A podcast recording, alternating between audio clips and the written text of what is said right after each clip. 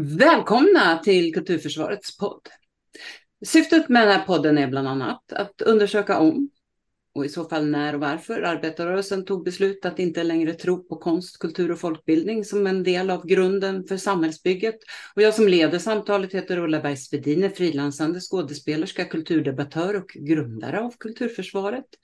Dagens gäst är Kristina Alstam, forskare vid institutionen för socialt arbete vid Göteborgs universitet och skådespelare du också. Välkommen Kristina! Varmt tack! Vi börjar med en sån där eh, enkel och svår fråga. Vem är Kristina Ahlstam? ja, det är väl en underbar fråga.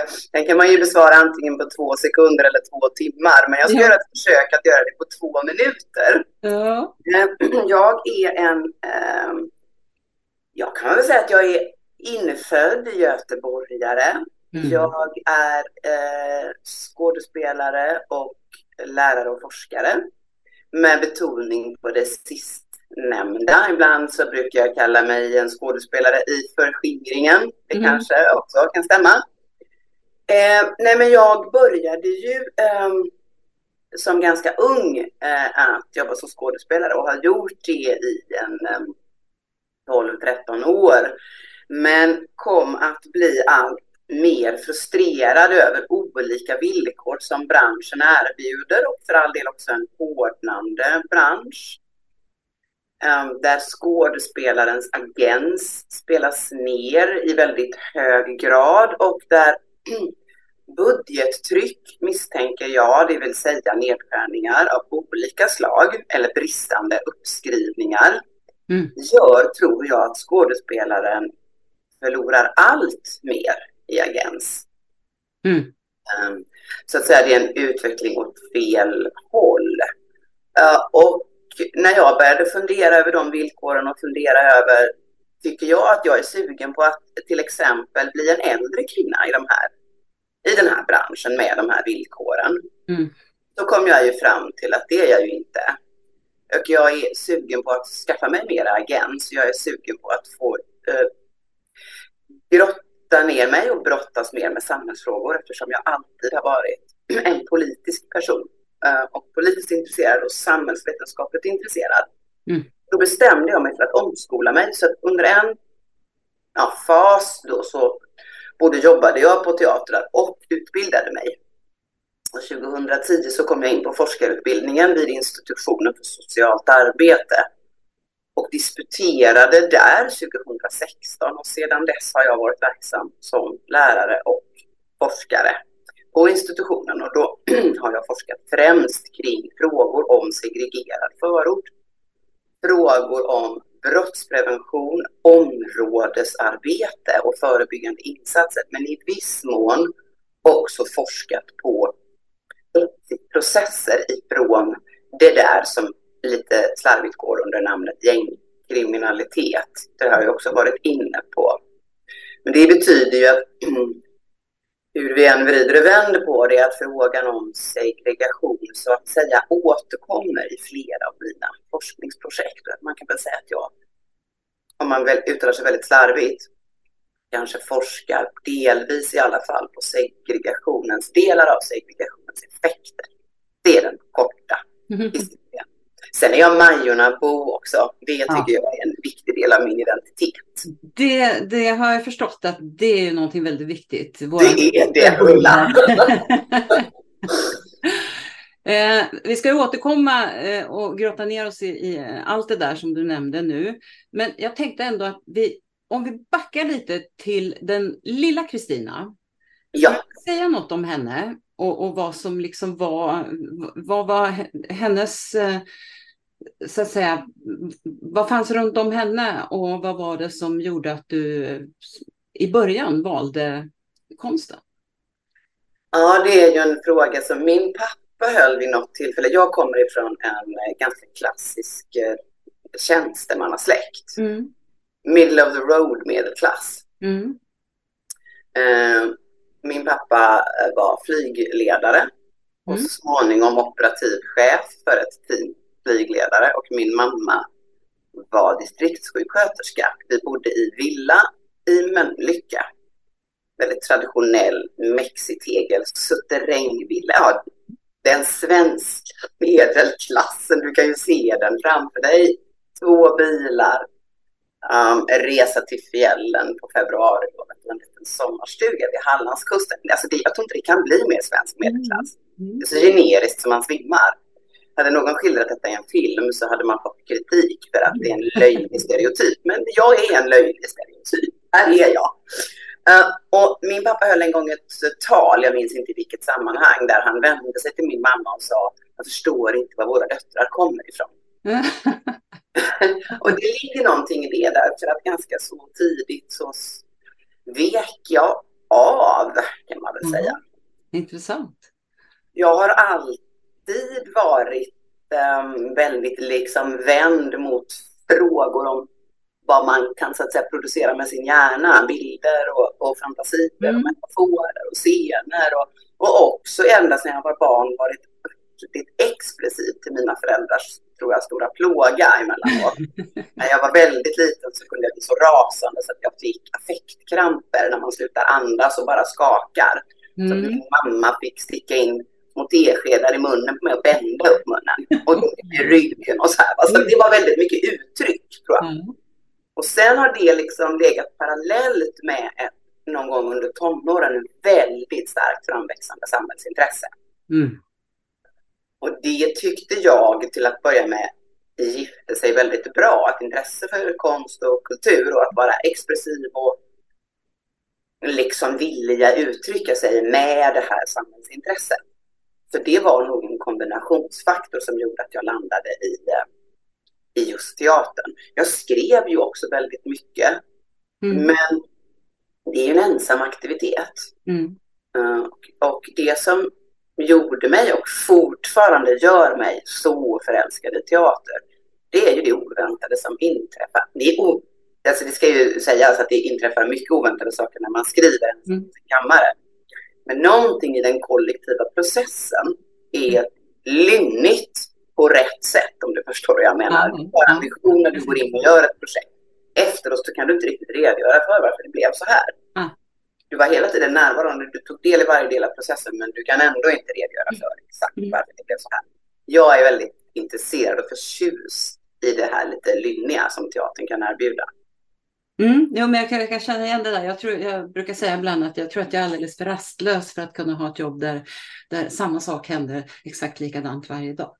Ja, det är lite, det, det är precis, jag känner igen mig jätteväl i det. Mm. Du, eh, jag har ju en huvudfråga som jag sa tidigare, vi tar den. Ja. Och det är den här om, verkligen om, för jag vet inte. Och i så fall när och varför arbetarrörelsen, det vill säga SOV, tog beslutet att inte längre tro på konst, kultur och folkbildning som en del av samhällsbygget. För när välfärdslandet Sverige byggdes en gång i tiden så fanns ju tanken på att även arbetarbarn då skulle få inte enbart utbildning utan också bildning. Den fanns ju väldigt starkt inom arbetarrörelsen och nu känner i alla fall jag det inte som något självklart ens för dem. Men, har du någon tanke kring det? Ja, för det första så tror jag att man måste dela upp socialdemokratin i den socialdemokrati som styr och sen mm. så kan du prata om rörelsen och det är mm. inte samma sak. Och idag så har vi en situation där, där ledningen för Socialdemokraterna, det som, som en, vår gode vän, jag på säga, på Island kallade för klägget. Mm. Uh, uh, där klägget i Stockholm inte längre har markkontakt. Mm. För jag tror nämligen inte att den breda rörelsen, den som befinner sig i Bollebygd eller Sollebrunn mm. eller Örnsköldsvik, jag tror inte alls tvärtom. Jag tror inte alls att de är ointresserade av konst och kultur. Nej. Jag tror heller inte att de inte har begripit precis vilken funktion det har för arbetarklassen. Jag, jag kan säga att jag har ganska stor tilltro till sossarna, alltså kanske inte sossarna i styret, mm. eh, i samtliga småstäder. Men däremot de som kokar kaffe mm. och växlar upp banderoller mm. och bjuder in barnteater, de har jag stort förtroende för. Mm. Så när man, jag vill ha tungan rätt i mun när vi pratar om arbetarrörelsen. Sen mm. vill jag också säga Socialdemokraterna och Vänsterpartiet, jag tror att det är olyckligt att allt för mycket blanda ihop dem. De har två olika arv. Socialdemokraterna bygger i hög utsträckning på en kompromiss som vi bland annat ser manifesteras i Saltsjö-andan. Mm. Det kan man säga mycket om, men en olycklig sida tror jag av kompromissen är att man har slarvat med ideologiförståelsen. Man har slarvat med vilken är arbetarrörelsen ideolo alltså arbetarrörelsens ideologiska bas. Så har man kompromissat och i allt för hög grad litat på dem som man har slutit kompromisser med. Mm. Det som har hänt när man då har kommit upp lite grann i graderna tror jag det är att man, den här kompromissen, den riskerar hela tiden också att gå över i korruption. Kompromiss, mm. korruption, ja, det finns ett gränsland däremellan där man kan tassa ganska många år. Mm. Där har man till exempel missat att bevara A-pressen. Ja, verkligen. Vilket ju är häpnadsväckande. När, man, när, när det blev allt mer plågsamt tydligt att man inte tänkte ta hand om arbetare, äh, arbetare så måste jag säga att jag var så ställd. Mm. Och tänkte, förstår ni vad ni gör nu? Mm. Hur kan ni inte begripa vad ni gör nu? Mm. Uh, och jag, jag, det här är verkligen en amatöranalys, men jag funderar ganska mycket i termer av vad, vad har den här kompromissen som Socialdemokraterna alltid har ägnat sig åt, vad har den kommit att långtgående betyda? Mm. När man befinner sig så pass nära det som var arbetarrörelsens antagonister, när man bjuder dem så tätt in på sig, mm. vad händer då? Där får man lite hålla isär, tänker jag, Socialdemokraternas projekt med Vänsterpartiets projekt som inte har sett riktigt likadant ut. Så jag tänker inte att konst och kultursyn är likadan var du än tittar inom den så kallade vänstern. Men ser du, ser, du, ser du någonting från Vänsterpartiet? Ser du en aktiv kulturpolitik från Vänsterpartiet? Nej, idag ser jag ju... Nu är jag kanske lite, eller jag är, inte, jag är lite elak, men det vi ser idag, um, och det är ju inte på något sätt jag som säger det. Vi ser ju hur hela det politiska fältet mm. flyttar sig till höger, vilket mm. betyder att det som förr var mitten, ja du vet, det som mm. förr var vänster är nu mitten. Mm. Där har i stort sett alla på vänsterkanten uppfattat att de måste förhålla sig till, vilket ju innebär med en lite stygg liknelse att Vänsterpartiet lite i taget har det som man ibland kallar för socifierats. Mm. Mm. Så att om man tänker sig att hela glidningen går åt ett och samma mm. håll så är det klart att det kommer ju att få konsekvenser mm. alla politikområden. Det skulle vara oerhört förvånande om mm. det inte fick konsekvenser också för den kulturpolitik man bedriver. Mm. Sen har vi dessutom den här idén som vi nu har levt med i uppemot 30 år, att vi ska mm. spara i ladorna. Mm. Eh, som vi har flera ganska duktiga skribenter som redan har tagit heder och ära av och frilagt på vilket sätt det där är, närmar sig en myt, den idén om att vi ska spara i ladorna. Och eftersom konst och kultur är en del av infrastrukturen och vi idag sparar på infrastruktur. Mm. Eh, precis som vi sparar på järnväg, underhåll av järnväg, precis som vi sparar på att investera i eh, sjukvård, mm. så sparar vi förstås på kulturen därför att det är det vi gör. Det är det vi gör. Det har vi gjort i 30 år. Vi sparar i ladorna. Det vore orimligt om inte det skulle synas i konst och kulturpolitik. Ja, det erkänns ju inte ens som infrastruktur. Nej, det gör det inte, men det är infrastruktur. Mm. Ja, precis. Men dessutom, ja, men Erik, Erik Rosén eh, har ju också pekat på, på det här med, med just eh, konsten och, och, och, kulturen, att SD har kopierat arbetarpressen. Mm. Byggnaden av den och hur man gör med ett helt annat syfte. Och det är ju det som är så fruktansvärt obehagligt. Mm. Jo, men alltså, jag höll på att säga äras den som äras bör. Gör du ett bra ideologiskt grundarbete så kommer du skörda eh, frukter av det. Mm. Den arbetarrörelsen, eh, de har ju ett eftersatt mm. ideologiarbete. Jag tror att det är många, mm. återigen för att gå tillbaka till eh, gräsrotssossar, jag ska inte försöka göra mig till talesperson för dem. Um, jag tror att det är många av dem som undrar över den här nystarten som det har aviserats mm. att Socialdemokraterna ska påbörja. När, när, när, när smäller eh, startpistolen egentligen? Ja, när börjar det loppet? Jag tror att det finns ett antal sossar som kanske bekymrar sig lite över det. Verkligen. Nej, men jag menar, du och jag har ju verkligen mött de här eh, eldsjälarna runt om i landet som håller uppe kulturlivet i, vårt, i våra yrkesliv som skådespelare. Mm. Eh, vi, vi, ska eh, också eh, prata om det här som när du bytte bana och du eh, studerade till socionom och spelade teater samtidigt.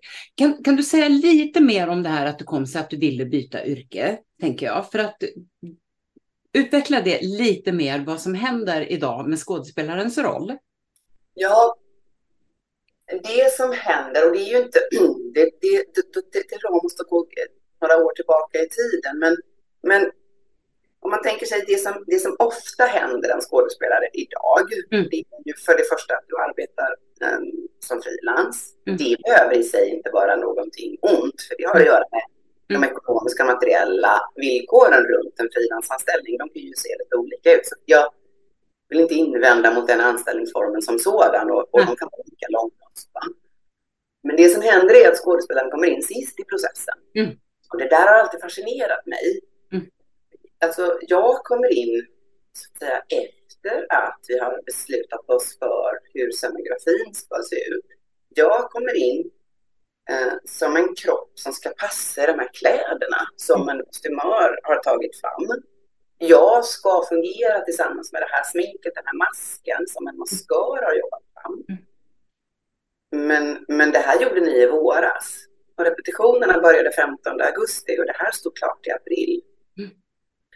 Så att man kommer in allra sist och det säger någonting om vad jag uppfattar har hänt med skådespelarrollen och det är att man har kommit att bli allt mer av en reproducerande konstnär mer än av en producerande konstnär. Mm.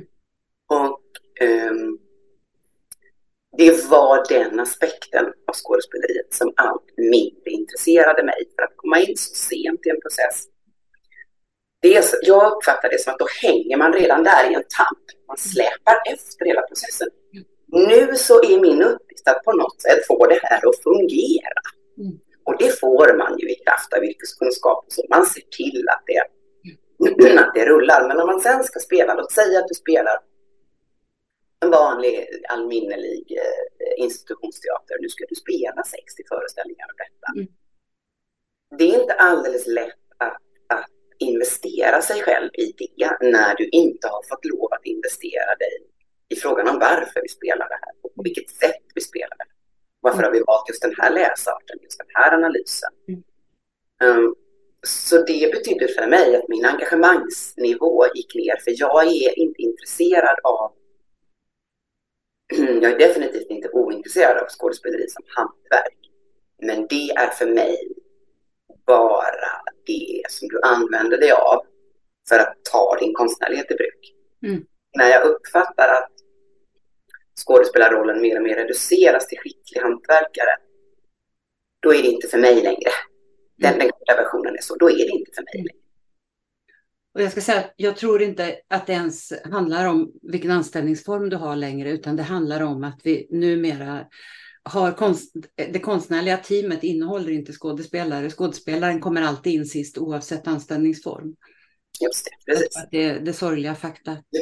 Mm. Eh, när du började forska, hur gick det till när du valde inriktning?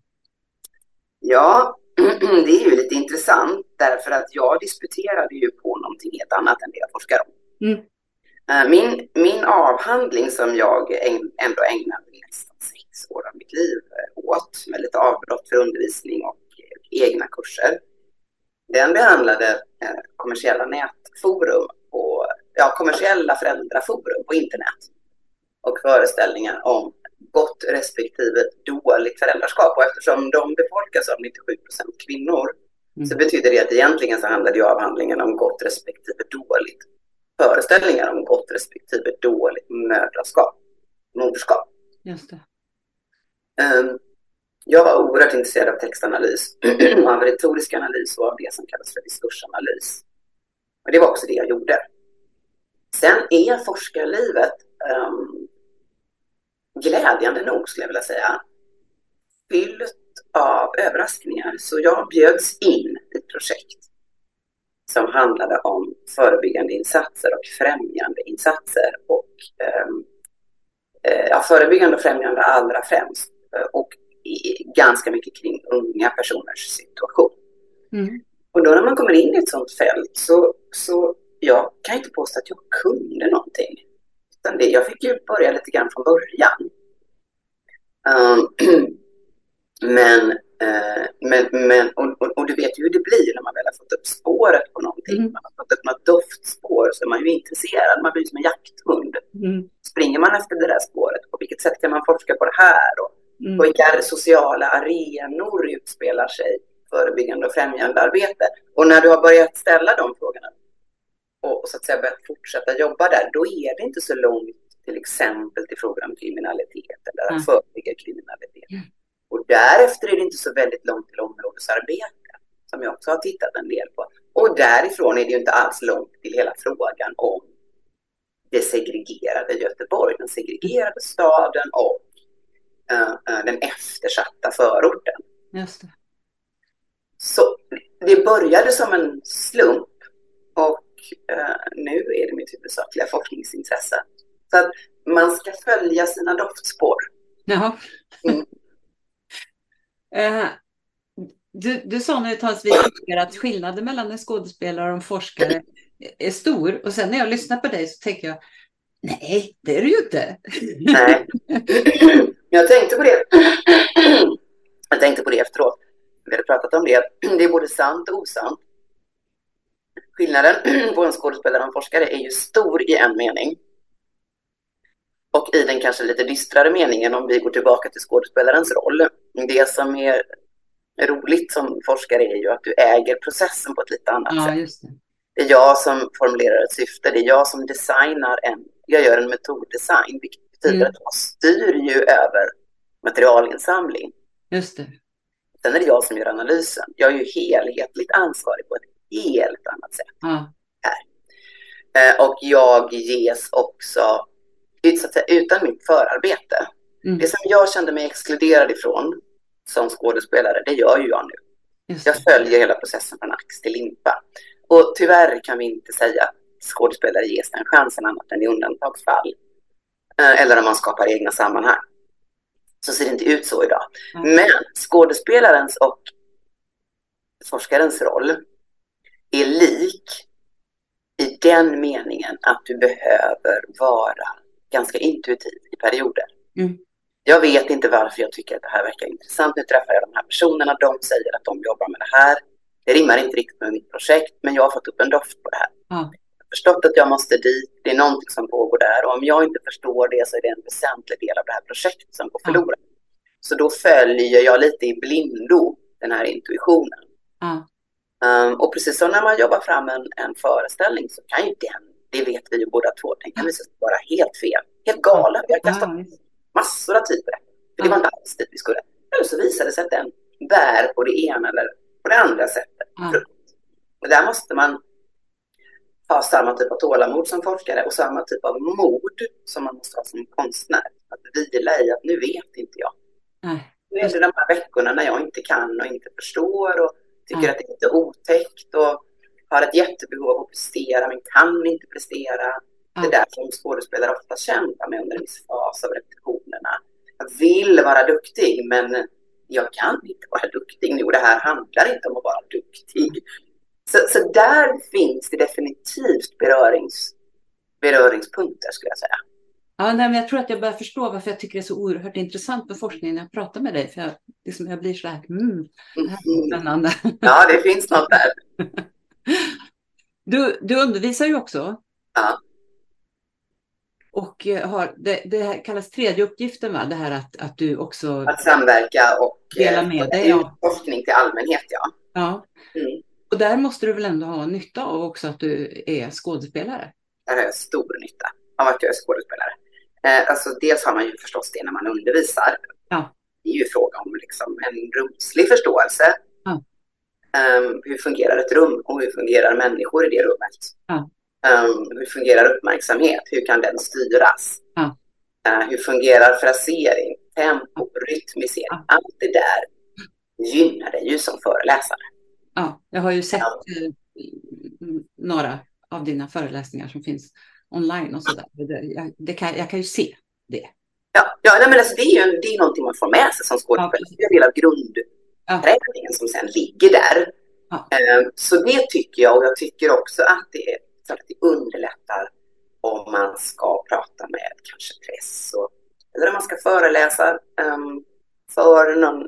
Man kanske, jag var ute i um, förra terminen på en fantastisk uh, halvdag tillsammans med ett lokalförbund journalister. Mm. Superhärligt nätverk med väldigt, väldigt vetgiriga personer som uh, dels ville ha mig och ett par andra personer där för att redogöra lite grann för vad vi kan och vet om gängkriminalitet idag, men också ställde den fantastiska frågan vad skulle ni vilja att vi rapporterade om? Vad missar vi. I rapporteringen? Det är superambitiöst och bra att man tar sin uppgift på allvar som journalist. Och det är klart att i ett sådant sammanhang det är lättare om man har någon form av vana att framträda. Och att kanske improvisera och att plocka upp frågor, att inte bli rädd om det händer någonting i publiken eller att någon säger emot. Eller... Det är, om inte annat så får man ju den träningen av barnteater. Ja, verkligen. Det är ju publiken nämligen emot. Det är inget spöke, det är en sten. Och så får man förhålla sig till det. Eller hur?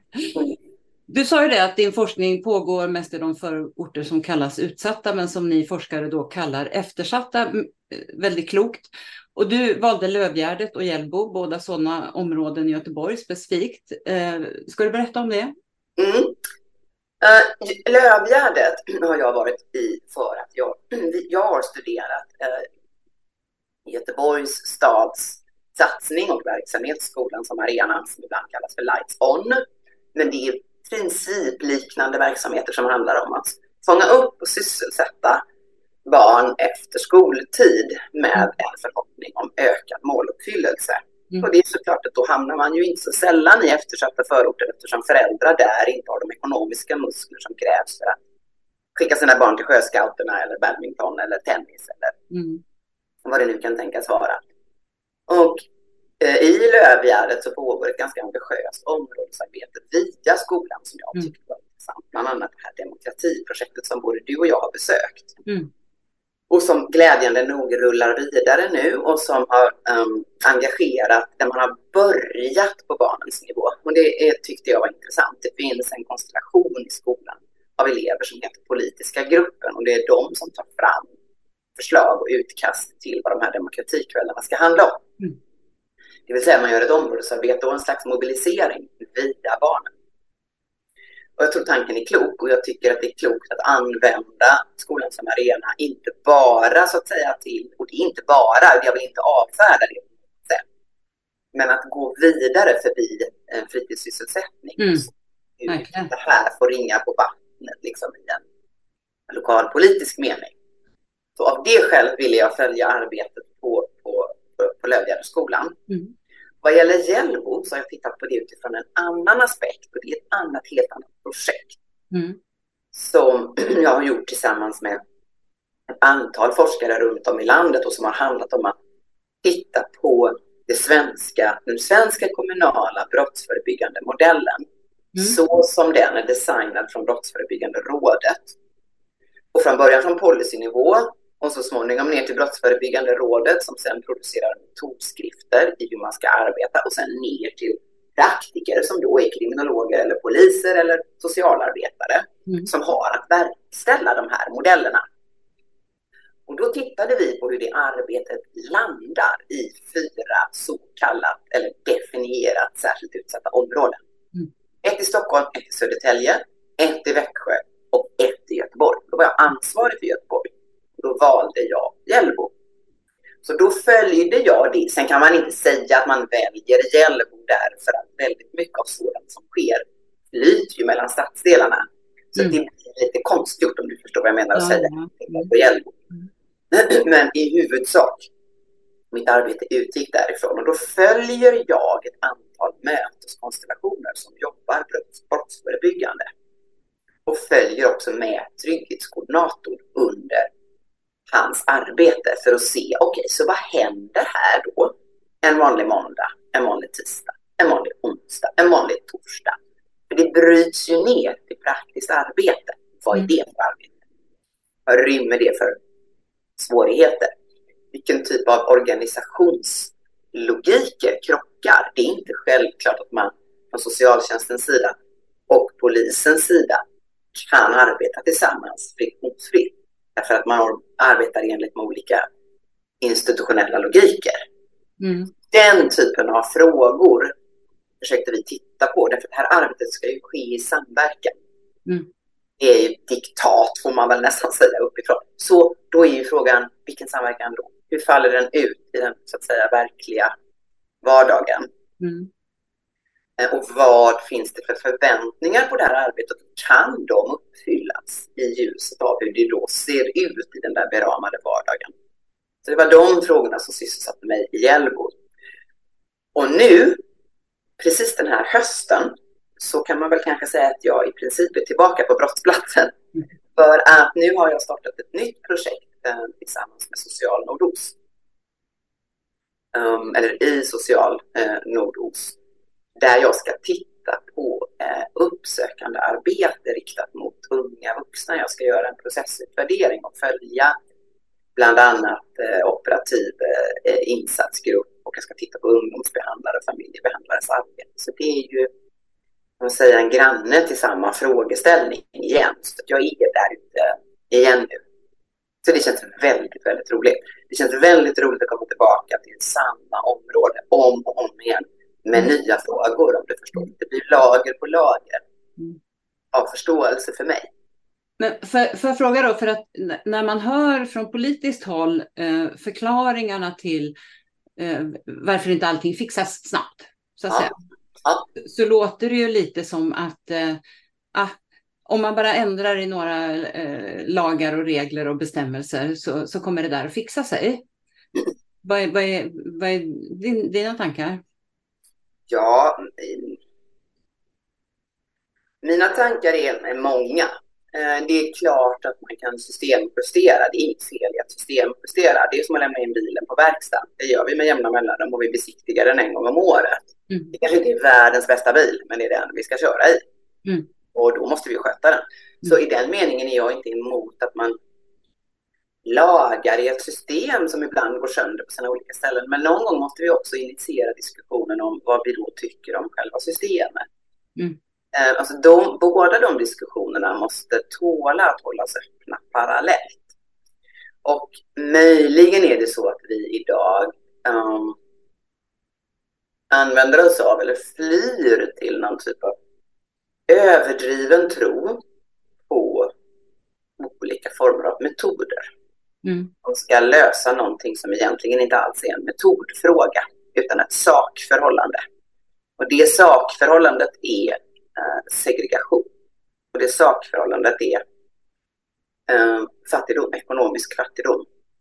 Mm. Och det sakförhållandet kan också vara en relativt långt driven desperation i vissa områden.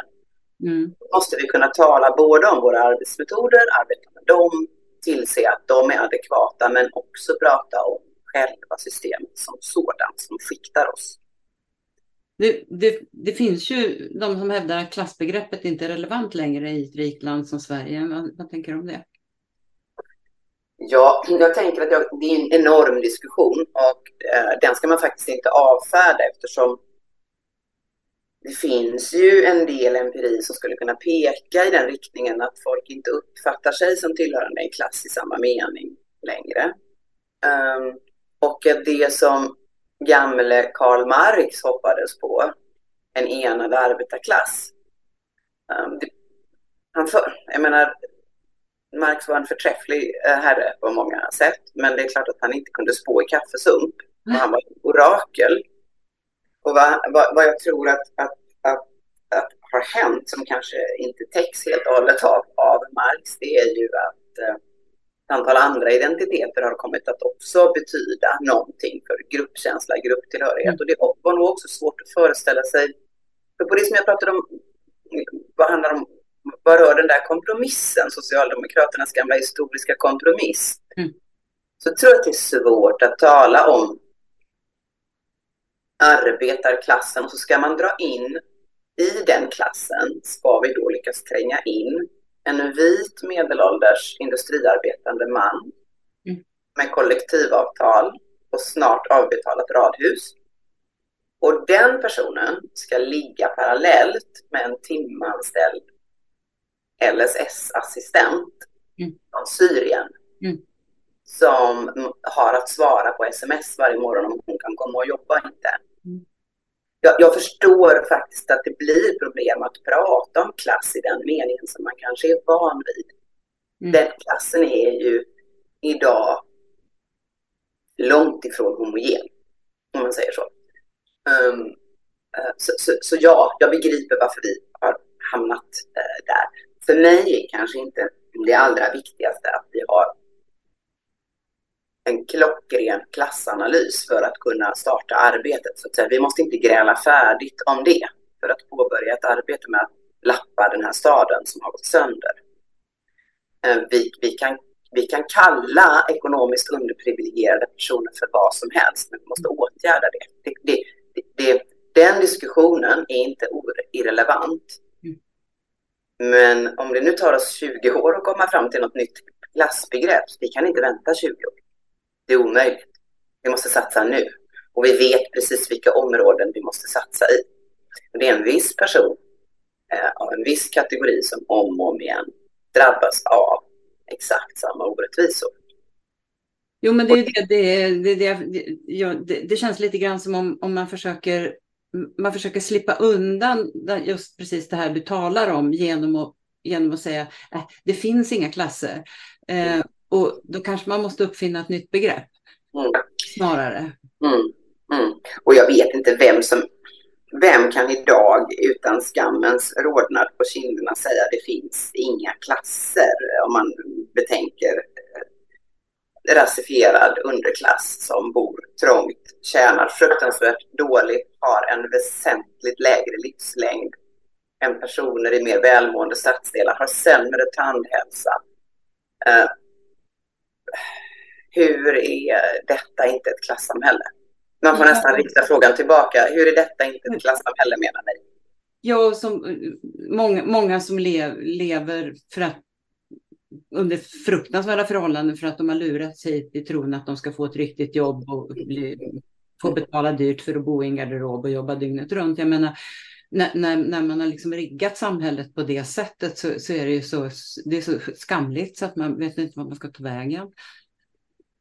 Brott och straff är ju mm. det som lyfts mycket i den politiska debatten. Och du menar att det finns en repressiv trend, men också en administrativ trend som vi behöver prata om. Vad innebär det? För det är ingenting som jag har hört någon tala om i den här debatten. Det är intressant. Nej. Eh, det finns en administrativ trend så tillvida att um, vi har hamnat i en situation där, um, jag kan ta ett lokalt exempel. Mm. Det brottsförebyggande arbetet ska ju naturligtvis vila på flera ben och utföras på flera sätt. Ett av de sätten är att skapa eh, de så kallade lägesbilderna i ett område. Det går ut på att personer som är verksamma i det området ska i stort sett rapportera in om man har problem på skolan, det finns någon typ av konflikter eller det har varit slagsmål, om man har hittat förskollärare kanske har hittat eh, eh, vad heter det, lustgasampuller vid eh, dagiset på morgonen och då kan man misstänka att där har någon sålt eller där har någon missbrukat. Eh, eh, och man kanske har någon pågående konflikt nere i centrum, man kanske vet att en konstellation har rört sig utanför ICA och vi vet att de kommer från område X eller område Y. Frågan är om de är här för att påbörja affärer eller varför är de här? Du vet en mängd olika frågor på olika nivåer. Det ska då föras in i ett dokument över område Y, över område X, över område Z. Sen sammanställs det här dokumentet och sänds in till staden centralt. Och då inställer sig frågan, vad ska vi göra med den här informationen? För att om man tittar på de här lägesbilderna så kan de innefatta just allt ifrån eh, mm, lustgasampull vid den och den förskolan. Och sen lakoniskt så kan det stå under mord Alltid på detta ryms i samma, nu överdriver jag lite grann, men förstår du, alltså allvarlighetsgraden och komplexiteten körs ihop i ett och samma dokument. Och det förefaller utifrån sett som att det allra mest handlar om att dokumentera. Därför att på varje sådan given incident som har ägt rum sista veckan blir det svårt att agera. Sen gör man ju de försöken. Trygghetskoordinatorer gör ju förstås, eh, har ju hela tiden ambitionen att agera på de här sakerna. Men den, så, så det är inte det att, inte de, att, att, att man inte åstadkommer någonting. Men den tendens vi kan se är att de här delarna av det brottspreventiva arbetet, de som handlar om att dokumentera mm. och katalogisera och bokföra, de tenderar att svälla. Ja. Eh, nu har Göteborgs stad köpt in ett större verktyg så att man inte ska behöva sitta och jobba med lägesbilder på det här sättet. Man har köpt in ett verktyg, verktyg som heter Embrace och där ska man lättare kunna digitalt gå in och bokföra. Då ska det användas centralt över staden. Um, och, och, då betyder det att då har vi lagt ännu mer pengar på den processen. Vi har lagt ännu mer fokus på den processen. Den kommer att betyda ännu mer. Men vi vet inte alls på vilket sätt den är brottsförebyggande. Faktum att vi dokumenterar så här mycket, vi kan inte redogöra för på vilket vis det de facto blir brottsförebyggande arbete av det. Och det är det här jag menar med att en, en, en slags administrativ trend förefaller att öka. Där vi bokför och är, så att säga noggranna med att veta. Men frågan är ju fortfarande så hur ska vi sen handla? Och vart går den här informationen då? Alltså är det vart går den här informationen? Är det sån information som till exempel journalister tar, tar del av? Nej, det här är ju, alltså när man går in i de här systemen så är det klart att då kan inte utomstående gå in och, och, och information. Nej. Så det råder ju sekretess, så det är ju inte, mm. inte osäkert i den meningen annat än att det kan bli möjligen så att jag får information som är alltså överskottsinformation. Och det kan man mm. diskutera etiken i, varför jag ska ha en massa överskottsinformation som jag sen inte använder till någonting. Mm. Det är i sig ett etiskt dilemma. Just det. Men det är möjligen, den här administrativa trenden är väl möjligen något utslag av en, en frustration och en lust att eh, vilja, en önskan att ta kontroll över situationen. Mm. Eh, men jag tänker ibland på det lite grann som du vet, när man har det dåligt ställt. Jag minns när jag var student till exempel, hade det dåligt ställt, att jag ibland tröstade mig med att göra en budget. Ja. Men, budget är budget och jag fick ju inte mer pengar av att jag Nej, eller hur? Jag kunde inte handla mer eller köpa Nej. något mer på fredagen. Jag hade fortfarande en studentekonomi. Ja. Och ibland så kan jag leka lite grann med tanken på att det här lugnar nerverna, att vi samlar in jättemycket. Då känns det som att jag har gjort någonting. Det, det, är någonting. det är möjligt faktiskt att det också till, till vissa delar driver politiska initiativ. Jag måste göra, alltså, ja. jag måste ut till mina väljare och säga att jag gör någonting. Ja, de närmaste dagarna nu kommer det säkert vara överfullt i tidningarna av råd från sådana här sparbanksekonomer och sådana som säger det gäller att ta höjd för oväntade utgifter. Och då, då tänker jag alltid, hur tror de att det ska gå till? Ja, de som inte ja. har några spar, sparmedel. Jag, jag blir alltid lika fascinerad. Jag läste häromdagen en sparekonom som gav rådet pausa sparandet till barnen. Oj, ja, ja, ja. Jag tänker, åh, vilken värld lever de i. Ja. Och, jag, jag vill, jag har en fråga här som jag eh, tycker är väldigt spännande och det när vi talar om kriminalitet så dominerar ju machokulturen en hel del. Och du startade gruppen Sobfrau som eh, är en nordisk feministisk grupp när du gick masterprogrammet i Helsingfors och då undersökte ni könsroller inom teater väldigt konkret. Kan du inte berätta lite om det, vad det var och är. Och kunskaperna från det, är det något som du har haft med dig i ditt nutida arbete? Mm, mm, mm, mm. Frau bildades 2001 ja. på masterprogrammet på Teaterhögskolan i Helsingfors mm. av åtta av de kvinnliga studerande utifrån en vanmäktig frustration över hur vi hade blivit behandlade under utbildningens gång. bortprioriterade och med alldeles för lite att göra, kringgärdad av märkliga 1850-tals föreställningar om vad en kvinna är för någonting, vad hennes mm. essens är, vad hon kan och inte kan. Och framförallt med alldeles, alldeles, alldeles för lite att göra. Och i mm. jämförelse med de manliga studerandena att göra. Så utifrån en väldigt stark frustration så bildade vi Sopra och det kunde vi göra eftersom vi hade haft en tre veckors workshop med performanceartisten och dansaren Diane Torr från New York som kom till oss och tränade oss i drag king, det vill säga kvinnor som agerar män på mm. scenen. Under tre veckor så tränades vi i själva tekniken och eh, var också ute på stan eh, som män. Vi var på museum och vi åkte tunnelbana och vi köpte mobiltelefoner. Vi tog en öl och så som män. Vi rörde oss i staden som män. Men det som också var stort under de tre veckorna, det var att vi berättade för Diane hur vi hade blivit behandlade. Och Dianes respons för varje ny historia som vi drog för henne om kränkningar eller att ha blivit förbigången eller så vidare. Varje respons från Diane var så här, That's really interesting, you should write a song about that. Mm. That's really exciting, you should do a play about that. You should make a performance about that. You should write a text about that. Hon ville att det skulle bli någonting. Ah.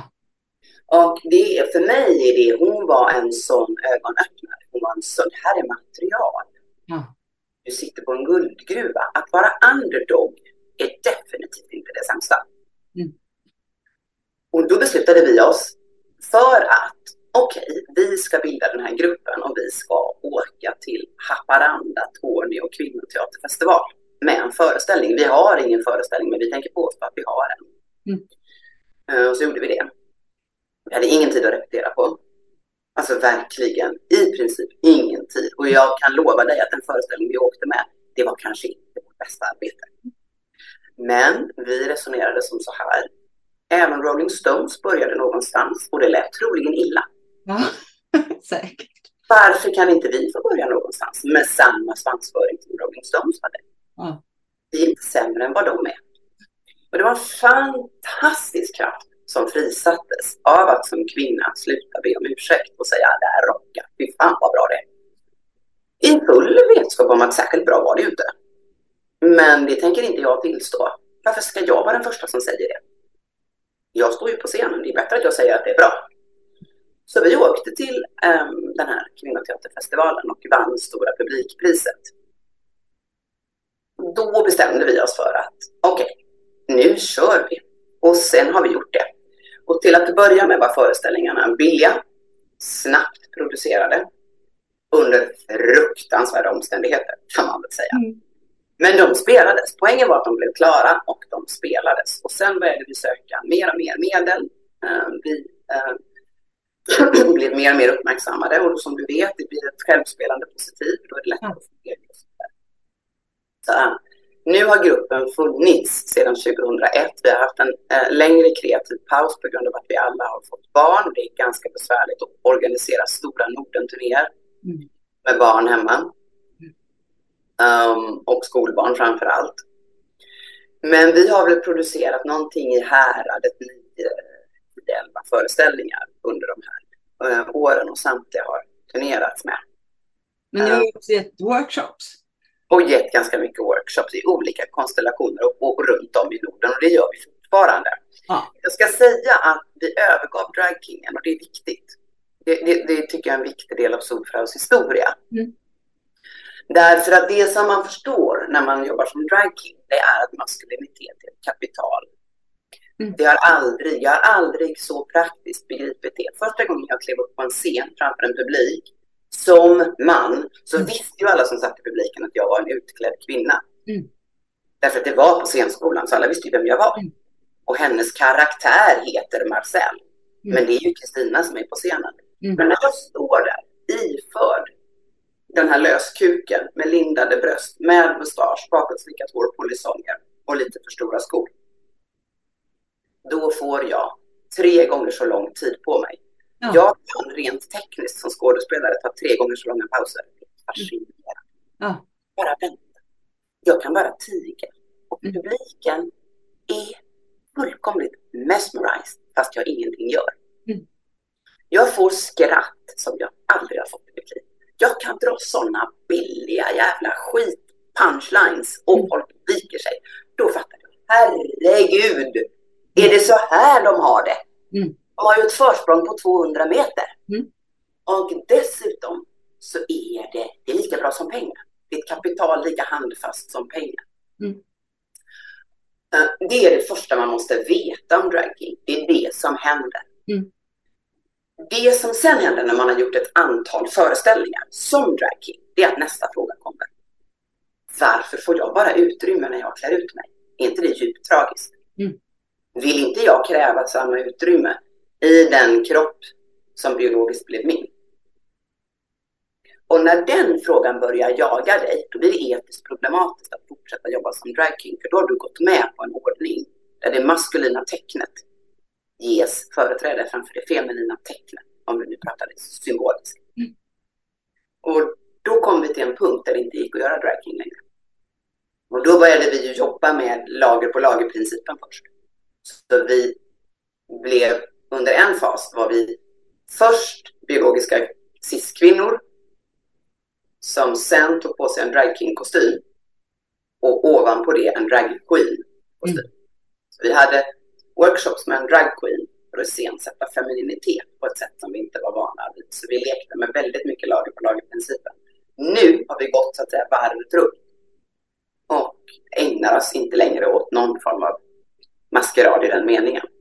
Men den viktigaste lärdomen av Subfrau som man kan plocka med sig till det arbete jag gör idag, det är att maskulinitet är ett kapital. Mm. Och det där, det finns så att säga redan i flera samhällsvetenskapliga, hos flera samhällsvetenskapliga teoretiker. Så det handlar mest om att jag levde praktiskt i min kropp. Jag fick en fysisk erfarenhet av det som redan till exempel den franske sociologen Pierre Bourdieu talar om. Mm. Att man har olika former av symboliska kapital med sig eh, i, på de sociala fälten. Det var ju det jag fick erfara. Och det är inte en föraktlig del av till exempel att arbeta med behandling av före detta eh, gängkriminella. Det är att arbeta med det maskulina kapitalet eftersom det behöver accentueras och i någon mening förstärkas och närmast vulgariseras så länge du är sysselsatt med organiserad kriminalitet. Du måste besitta ett våldskapital och du måste kunna manifestera det. Det är ett kapital som du omsätter till fördelar, precis som du och jag omsätter pengar på dagarna. Precis. Men, och, men jag tänker också att just de där kurserna som vi ju gav i Kulturakademin då, det, det var ju det var ju uppenbart att det var den här den erfarenheten som du pratar om var någonting att ta med sig i sitt eh, dagliga arbete utan att då använda sig av drag queen men, men, eller king. Men att ändå att ta, ta med sig det. För har man, har man haft den där erfarenheten och förstått då kan man ju utöva det. Man behöver modet såklart. Men jag tror att många fick det modet mm. av de workshopsen. Det är ju vår förhoppning. Det är ju vår förhoppning. Ja, precis.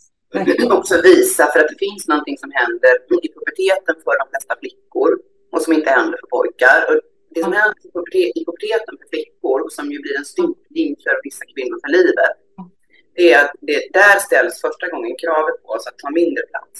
Ja. Hoppa inte så högt. Prata mm. inte så högt. Stå inte så hårt. Var mm. bäst. Och när det där har tagits ifrån oss och vi har tränats in i femininitet, betyder ju det att ett antal förmågor hos oss har slipats ner. Och det är sorgligt nog så att som vuxen kvinna måste man öva upp dem igen. Och alla sätt vi kan hjälpa varandra, och vi har ju hoppats att Sofrau kan vara en sån hjälp, alla sätt som vi kan hjälpa varandra för att återta de mm. fullkomligt naturliga egenskaper vi naturligtvis är bärare av men som vi har socialiserats till att, accentuera mindre. Kan vi hjälpa varandra att plocka fram dem ur garderoben, då är väldigt mycket vunnet. Verkligen. Eh, och just det här att växa upp i en kontext där mans ord väger tyngre än, tyngre än kvinnors oavsett ålder, det gör ju ändå något med både unga pojkar och flickor. Framförallt. Och nu när det uttalas då att vi har importerat ett beteende som inte är jämställt så tänker jag att vi måste minnas och erkänna också att hur vi hade det här för inte så länge sedan och fortfarande har. För påståendet att Sverige är jämställt tänker jag är lite överdrivet om vi ser till strukturer, löner och allt som har med lika rättigheter att göra. Eller vad tänker du? Hur inverkar det på integrationen? Ja, alltså, ja, det kan jag egentligen inte uttala mig om, men jag, är ju, jag håller ju helt med dig om att det är fascinerande att föreställa sig att det kom hit ett antal förfärliga vildar till vårt så jämställda land. Mm. Där eh, ingen kvinna någonsin hade supits under bordet och blivit förgripen på av två killar i sovrummet längst bak i villan. Som om det aldrig skulle ha hänt. Förrän vi fick personer med, med utomnordisk härkomst hit. Uh, det kräver noll sekunders eftertanke för att, eller prova att lyssna på lite kvinnor som har vuxit upp här. Börja där istället.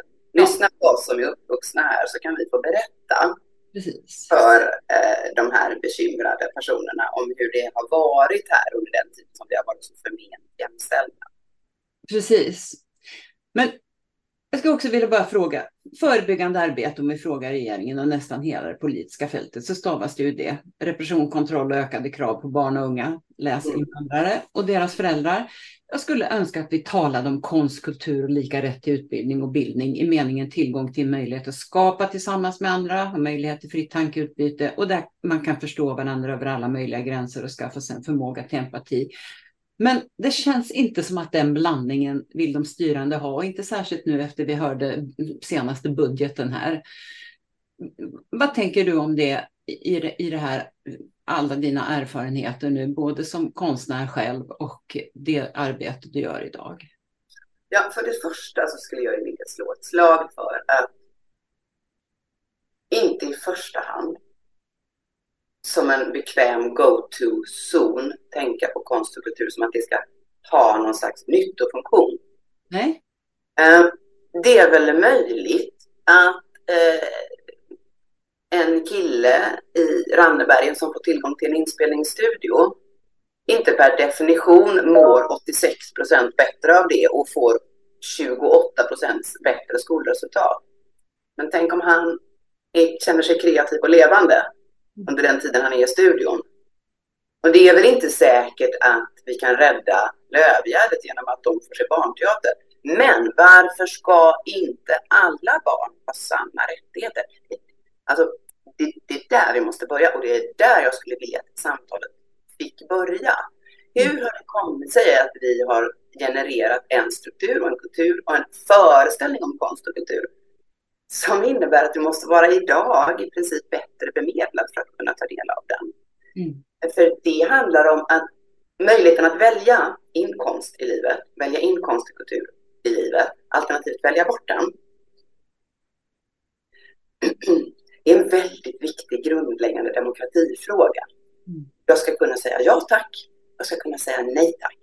Och den dikotomi som vi idag ser allt oftare um, jag menar, det är ju inte, ja, det vet ju du, du precis som jag, vi ställer då till exempel förekomsten av en teater mot undersköterskor. Mm. Den typen av falsk dikotomi. Så länge vi går med på den så kommer ju den här nedmonteringen kunna fortsätta. Eh, så, så, så, att för oss som är intresserade av frågan så gäller det att kraftfullt dra i bromsen och backa bandet och istället vända på frågan och säga det du argumenterar för är att alla inte ska få ta del av konst och kultur. Och nu vill jag höra vilket sätt du motiverar det. Varför är det bra? Mm. Eh, konst och kultur kanske inte uppskattas av alla. Jag kanske är en fotbollsperson. Jag kanske aldrig någonsin tar del av. Och då är inte det för mig. Gudskelov finns det fotboll för mig. Men om jag å andra sidan inte är en fotbollsperson. Eh, och det är samma sak om du tittar på kommunala satsningar. Hur kommer det sig att hockeyrinken får kosta? Mm. Men inte kommunala musikskolorna. Alltså det här är ju frågor vi måste börja, vi måste, om, om vi vill göra dikotomier på det här sättet så är det andra dikotomier. Mm. Hur kommer det sig att det är viktigare med skattesänkningar för ett inkomstskikt relativt sett placerat i stratan Varför är det viktigare än kommunal musikskola? Mm. Jag kan för mitt liv inte begripa det. Eh, och jag tror heller, uppriktigt sagt, att det finns ingenting att begripa. Det finns inte någon välgrundad tanke eh, bakom det här. Eh, ibland pratar man om att den gamla bildade borgerligheten har gått förlorad. Och jag, vill vända på den frågan också, så vill jag fråga, när menar ni att den var igång? Den bildade borgerligheten. Kan ni gärna peka ut något decennium när de var särskilt bildade? För att de har väl aldrig varit särskilt intresserade av konst och kultur för alla. Det har ju varit ett sätt för arbetarklassen att resa sig traditionellt genom 1900-talet. Så det finns en antagonism som um, jag, skulle, jag, jag, skulle vilja att vi verkligen um, höll fast i. Det här är en verklig antagonism och, och vi kommer ingenstans genom att låtsas som ingenting. Um, jag tycker det är fint när till exempel Folkteatern nu har varit utsatt för, här i Göteborg, Folkteatern har varit utsatt för ett antal olika påtryckningar, både ekonomiska och politiska, och levt under väldigt, väldigt snåla vindar väldigt, väldigt länge.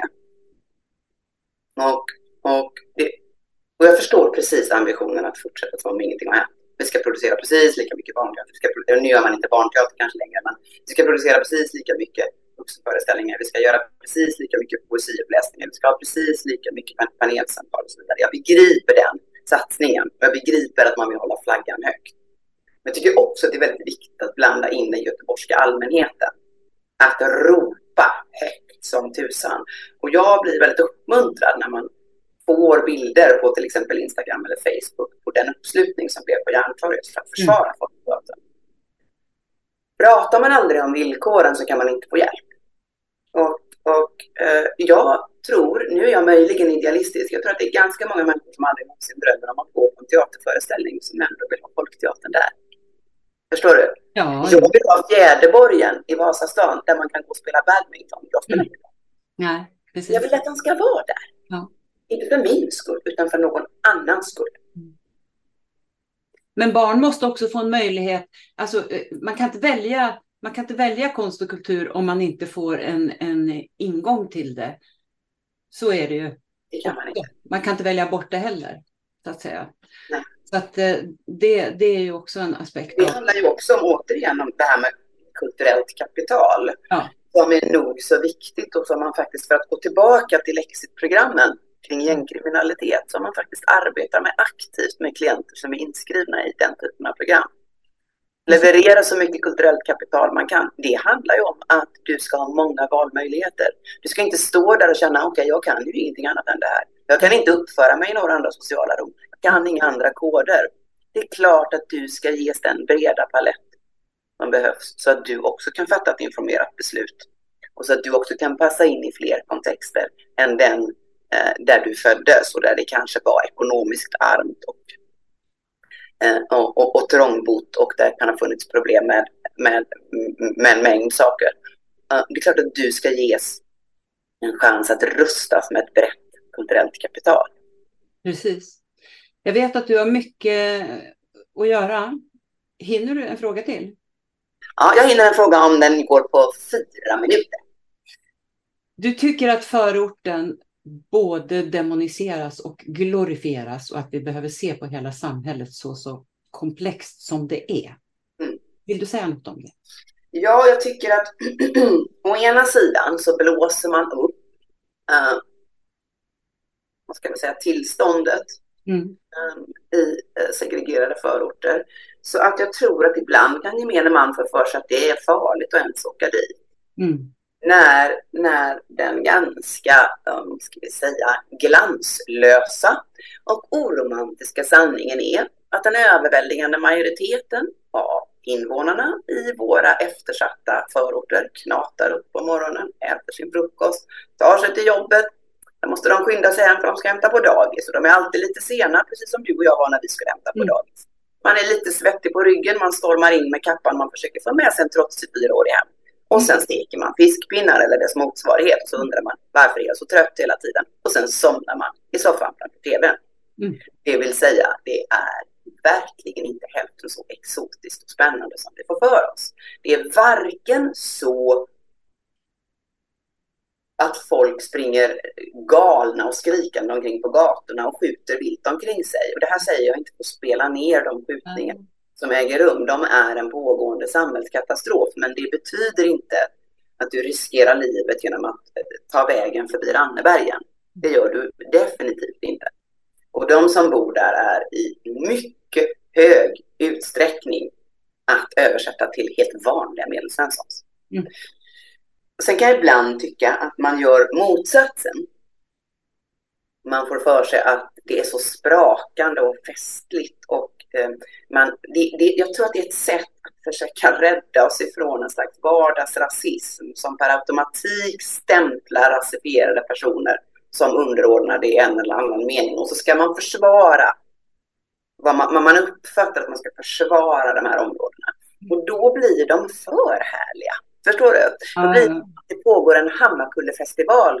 Det. det är färg, det är form, det är fest, det är frukter på torget. Förstår du? Det ligger frukter ute på torget. Synligt va? Mm. Ja, det gör det i Majorna också. Eller vad menar ni?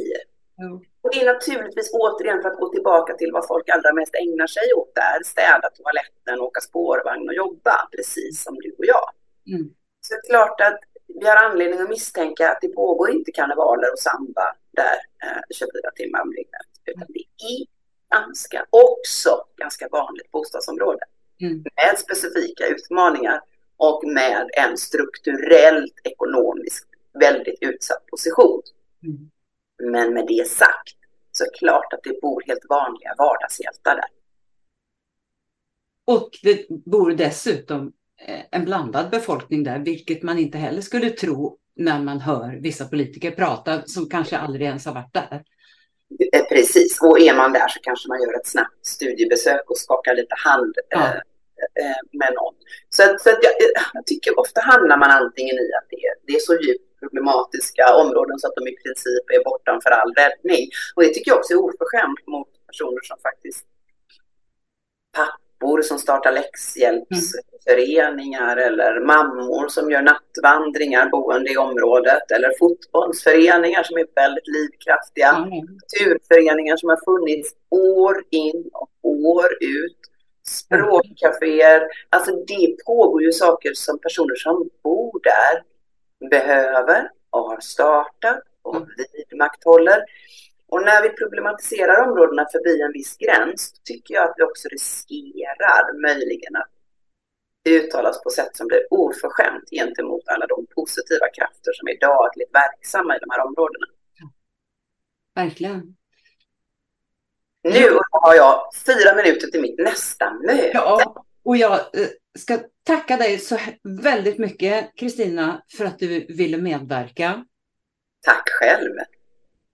Och tack för att ni lyssnade och den som vill veta mer om Kulturförsvaret, om kommande poddar kan gå in på kulturförsvaret.se. Poddarna hittar ni på sidan och där poddar finns. Och om ni vill gå med i vår Facebookgrupp så är det bara att gå in och ansöka om medlemskap. Gruppen är öppen för alla som är intresserade av konst och kultur, som tycker att det är viktigt att konst och kultur och fri press och media diskuteras på samma villkor som andra politikområden. Tack och på återhörande!